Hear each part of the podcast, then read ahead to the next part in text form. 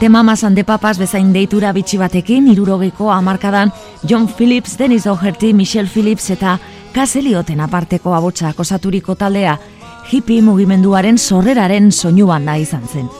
Kontrakultura estatu batu harraren ikur, eta garai hartako talde Britainiarren nagusitasunari aurre egin zion laukotea. Irantzu karrera naiz, gaur de Mamas and the Papasen historia ezagutuko dugu, ongi etorri.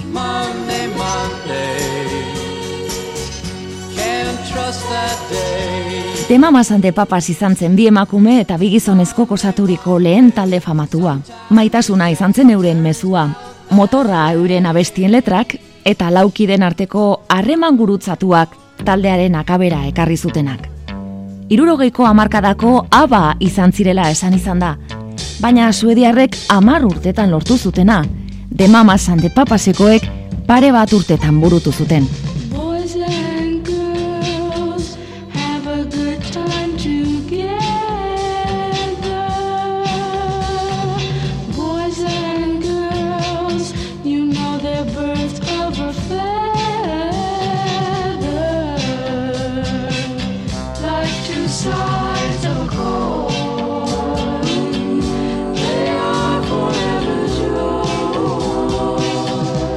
Folk rockaren hasieran, The Mamas and the Papas erreferentetako bat izan zen, The Birds edota Lovin Spoonfulekin batera. Laurek zituzten folk oinarriak. New York iriko Greenwich Village aldean mugitzen zirenez, hango folk giroa berta bertatik ezagutu zuten. Bob Dylan edota Joan Baez auzo berean bizi ziren. Beste garai batzuk ziren, eta estatu batuetako folk musikak izugarrizko indarra hartu zuen. Geroztik izan ez duena. You go down to New Orleans. Don't you go to the Lions Club. Cause every step, step, step, you're stepping, you're stepping Billy Lions blood. Stepping Billy Lions blood. Lee's a mean old man. Everybody knows. He shot Billy the Lion just to get his clothes. Mean old Lee. Well, Billy said to Stagger Lee, Don't you take my life. I got two little babies and a darling of a wife. You're a mean old Stagger Lee. What do I care about your two little babies and your darling of a wife? You done thrown in my Stetson hat and I'm bound to take your life. My name is Stagger Lee. You go down to New Orleans. Don't you go to the Lions Club. Cause every step, step, step you step and you're stepping Billy Lions blood. Mean old Stagger Lee. Stackley and Billy DeLine, they was fighting on the floor. And John Phillips Journeyman izeneko irukoaren gitarrista moduan hasi zen. Eta Michelle Phillips Kaliforniarrarekin ezkontzean talde berri bat sortu zuen, The New Journeyman. Michellek amazazpi urte modeloa ez zuen musika kontuetan hasteko interes handirik, baina egin nahi zituzten bidaietarako dirua lortzeko modu bakarra zela ikusita, edo behintzat Johnek ala konbentzituta, senarrarekin kantatzen hasi zen. John Phillips eta Michellekin batera, Danny Doherty kanadiarrak osatu zuen irukoa. Well, I was glad to see him die. You go down to New Orleans. Don't you go to the Lions Club. Cause every step, step, step, step, step, step, step, and you're stepping Billy Lions blood. His name was Stagger Lee. Well, I was glad to see him die.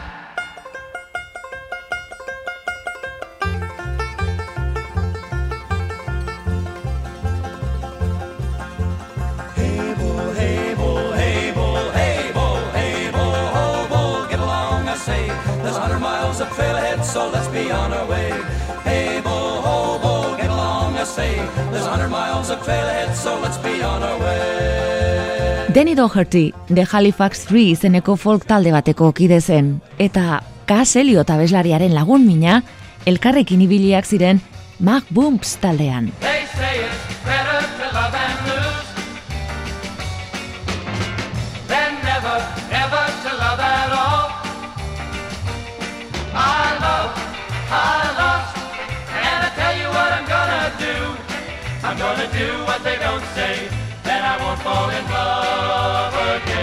Mila behatzion da irurogeita bosteko udaberri hasieran, John eta Michelle Phillips, Danny Doherty eta Mama Kasek lau hilabete eman zituzten uarte virginetan. Ensaiatzen eta ondo pasatzen. Deniren hitzetan, paradisua zirudien, El lago azul pelikulan ikusten denaren antzeko zerbait, eta Michelle eta biek amodio konturen bat izan zuten.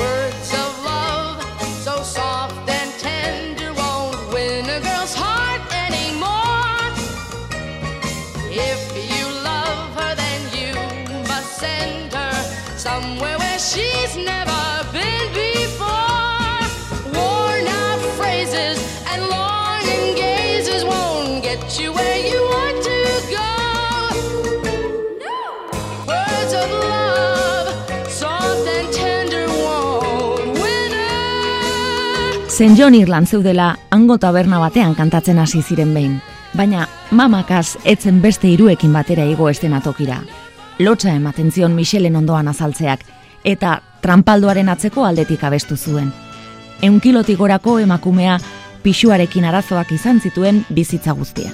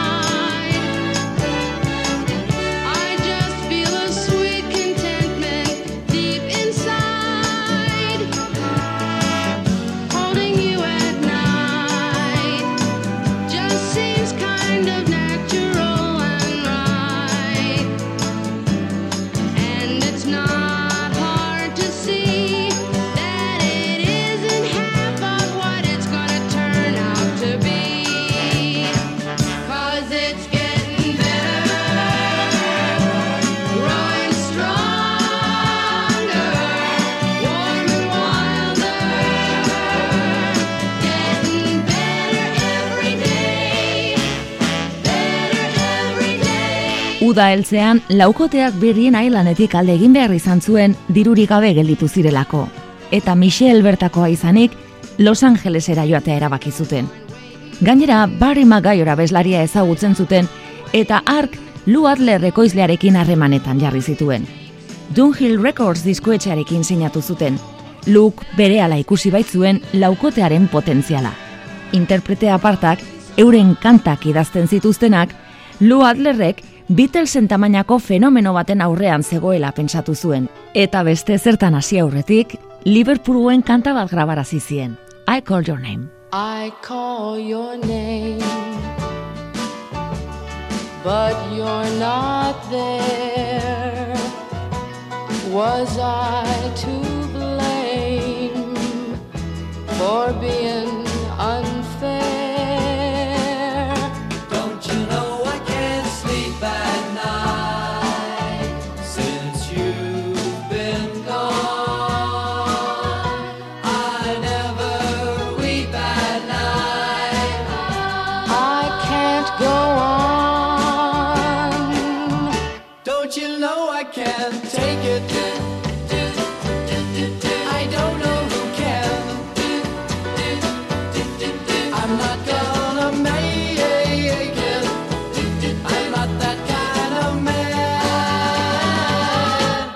You know I can't sleep at night?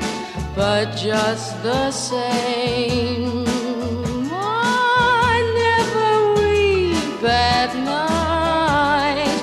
I call your name. Hasiera ezin hobea izan zuten. Talde izena zen falta zitzaien bakarra.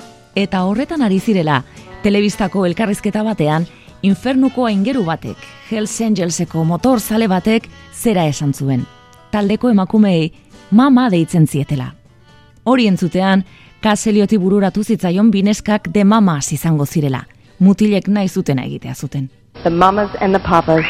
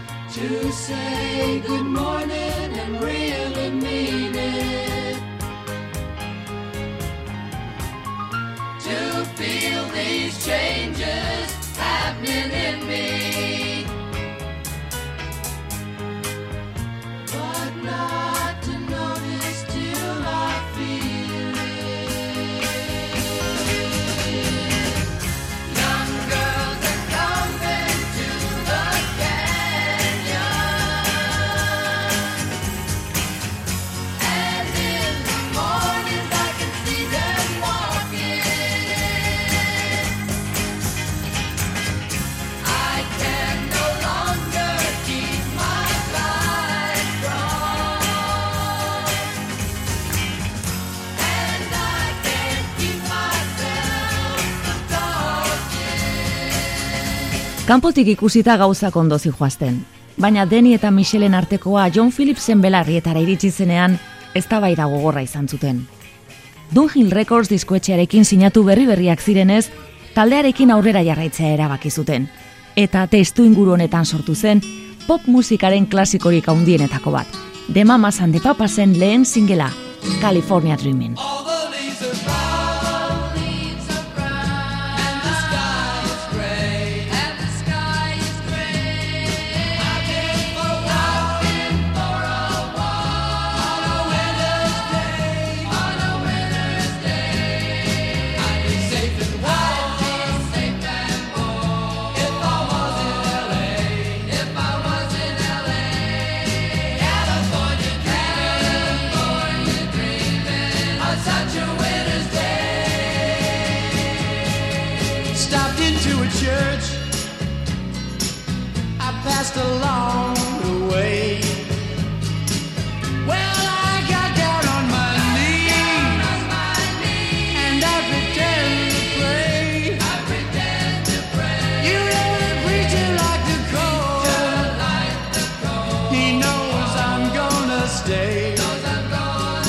California Dreaming, irurogeiko amarkadako hipien artean, Kaliforniako mitoaren himno ofiziala bihurtu zen kaleratu zen momentutik. Historia pixka bat eginez, mila behatzion da irurogeita iruko gau batean, New Yorken bizi zirela, John Phillips kantau buruan zuela esnatu zen gauaren erdian. Michel Jeiki arazi zuen eta letra osatzen laguntzeko eskatu zion. Michelek baina nahiago zuen lotan jarraitu eta hurrengo goizerako usteko proposatu zion. Jonek ez zuen etzi, eta lagundu ezkero, noizbait eskertuko ziola erantzun omen zion. Letrak New Yorken bizi den eta Los Angeleseko neguaren epeltasuna gogoratzen duen Kaliforniar baten herri mina islatzen du.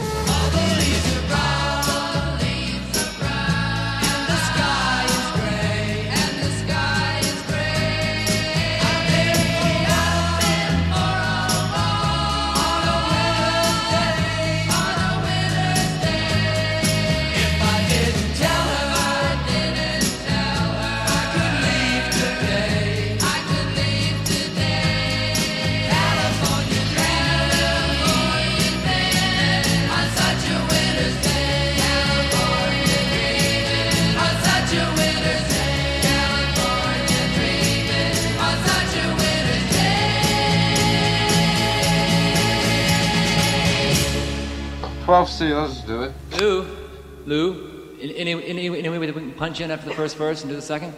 No, but we can get a good verse and intercut, maybe. Caught more of an attitude. We sound too straight.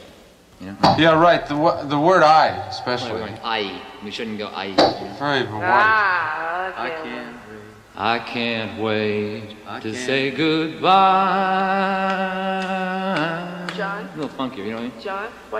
De Mamas and the Papas etzen izan kontzertu asko eman zituen talde bat. Bi urtetan, ez ziren berrogei eman aldira iritsi. Liderra John Phillipsen hitzak bereak baitziren, eta gehien gustatzen zitzaiona, estudioan lan egitea zen. Michelen esanetan, grabazioetako giroa oso ona izaten zen. Beti zegoen, jatekoa, edatekoa, eta erretzeko zerbait. Eta naiz eta egun guztia, batak besteari adarra jotzen eman, bi urtetan sekulako lana egin zuten.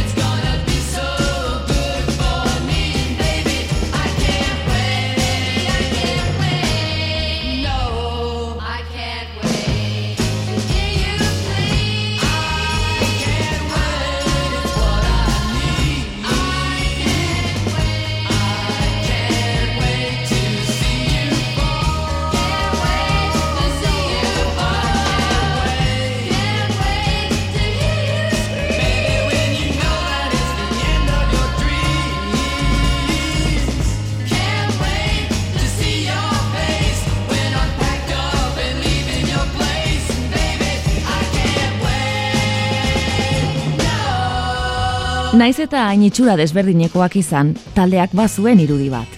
Jon altua eta mehea, Michelle izugarri polita, mama kasaldiz oso gizena, eta deni azkenik bere flekilo luze eta alkondara estanpatuekin. Garai hartako taldeen artean etzen ohikoa bakoitzak bere estiloa izatea janztean. Eta bi neskak batez ere, mamakas bere tunika zabalekin, eta Michelle berriz beti praka eta jertxe errex batzuekin, hippien askatasun ametsa irudikatzea lortu zuten. Musikajarioa etengabekoa izan zen, eta hona hemen euren doinurik sonatuena.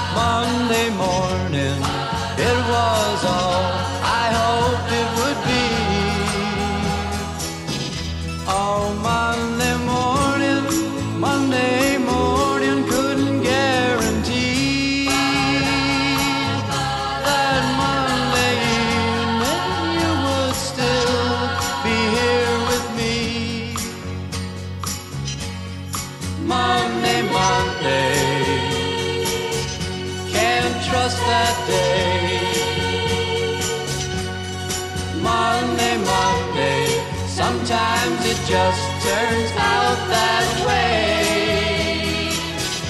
Oh, Monday morning, you gave me no warning of what was to be. Oh, Monday, Monday, how could you leave and not take me? Every other day, every other day, every other day of the week is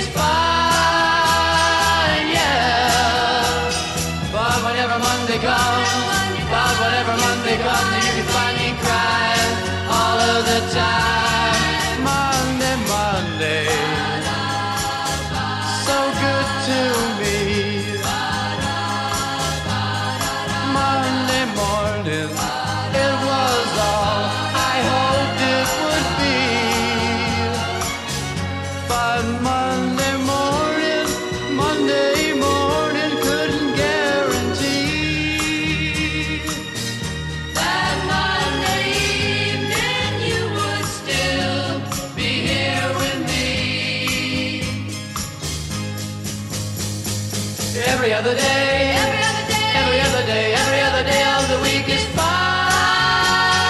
yeah. But whenever Monday comes, but whenever Monday comes, you can find me crying all of the time.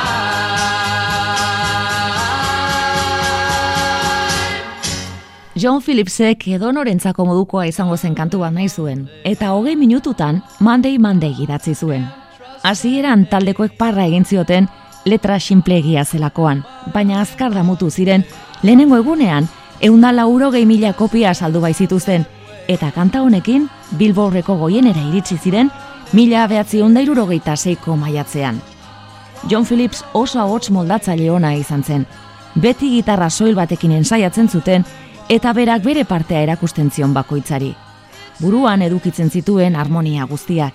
Eta Brian Wilsonek Beach Boysentzat egin zuen moduan kanta oso sofistikatuak konposatu zituen. Once was a time I thought that I could be sold or bought and everything fell in place for me. One, two, three.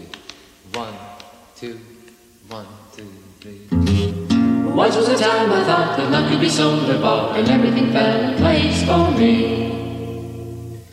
The fashion of fashion and fashion with caution because of the notion the potion of passion had never been passed. It gets faster in Since it was Sunday and sunny, I went for a stroll. But peanuts and pigeons and people put me in a hole. A blessing, refreshing, and you did unfold. Dispelling depressing distressing song from my soul. Once was a time I thought that love could be sold or bought, and everything fell in place for me. Wait a minute. Feel fast? That is so funny. Trying to pronounce it. It's potion of passion. Passion of passion of passion with faster me. Michelle can do anything she wants. No, she can't.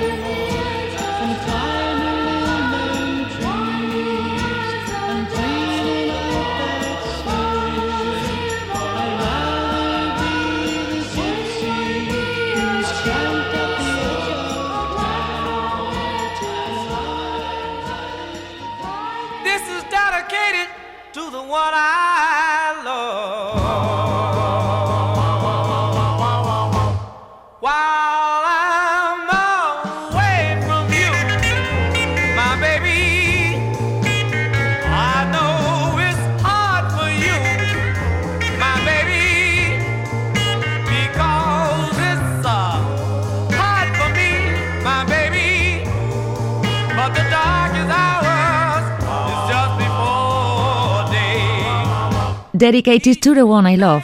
Arrigarria da, nola John Phillipsek berrogeita amarreko amarkadako duop kanta hau berera ekartzen jakin zuen. Bere emazteari opari moduan idatzi zion ahots nagusia egiteko aukera izan zezan. Eta entzun dezagun beraz, Michel Bera, berez The Five Royalsena den abesti honen moldaketan.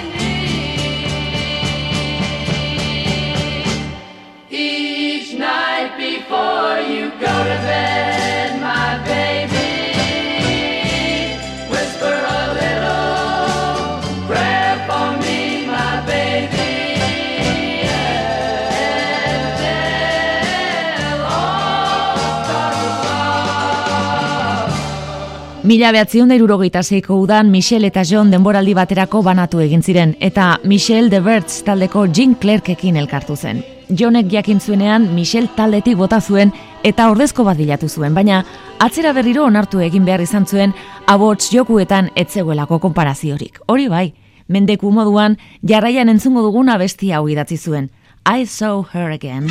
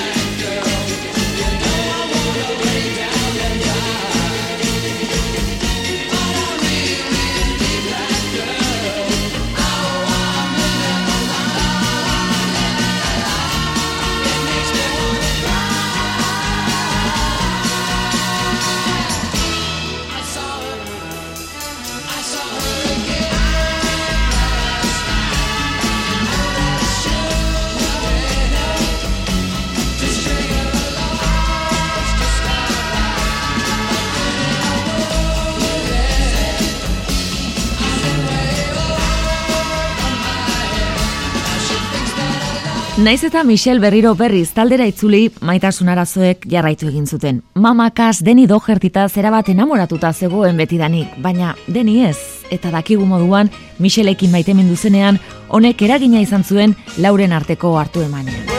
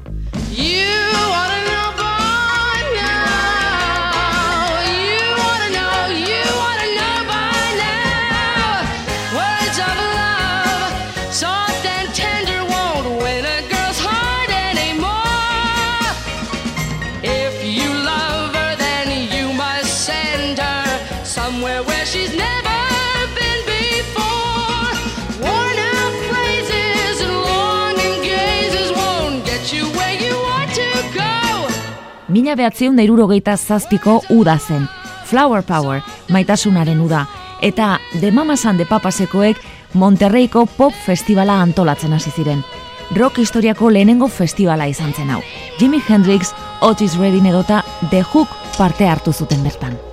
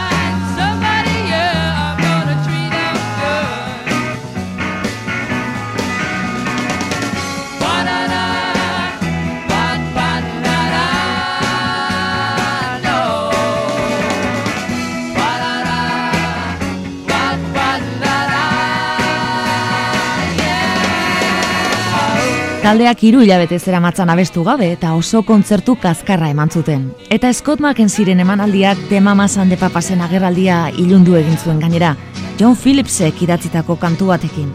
San Francisco hippie mugimenduaren himno ofiziala bihurtuko zen, The Mamas and the Papasen lekuko hartuz. John and Mitchie were getting kind of itchy just to leave the folk music behind. Saul and Denny working for a penny, trying to fish on the line. In a coffee house, Sebastian sat, and after every number they passed the hat. McQueen and McGuire's just a getting higher in LA, you know where that's at. And no one's getting fat except Mama Cass. Solly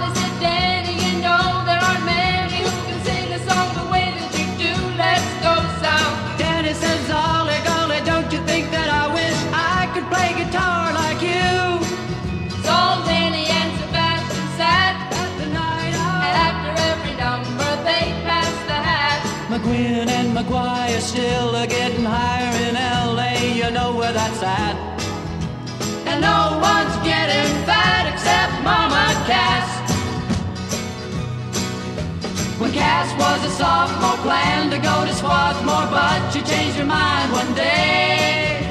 Standing on the turnpike, thumb out the hitchhike, take her to New York right away.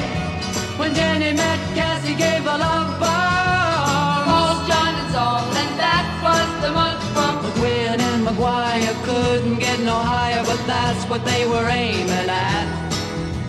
And no one's getting fat except Mama Cass. Mugwumps, high jumps, low slumps, big bumps. Don't you work as hard as you play? Make up, break up, everything is shake up. Guess it had to be that way. Sebastian and off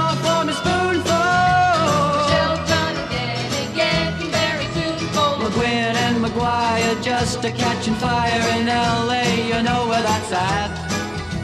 And everybody's getting fat except Mama Cass. Oh, oh.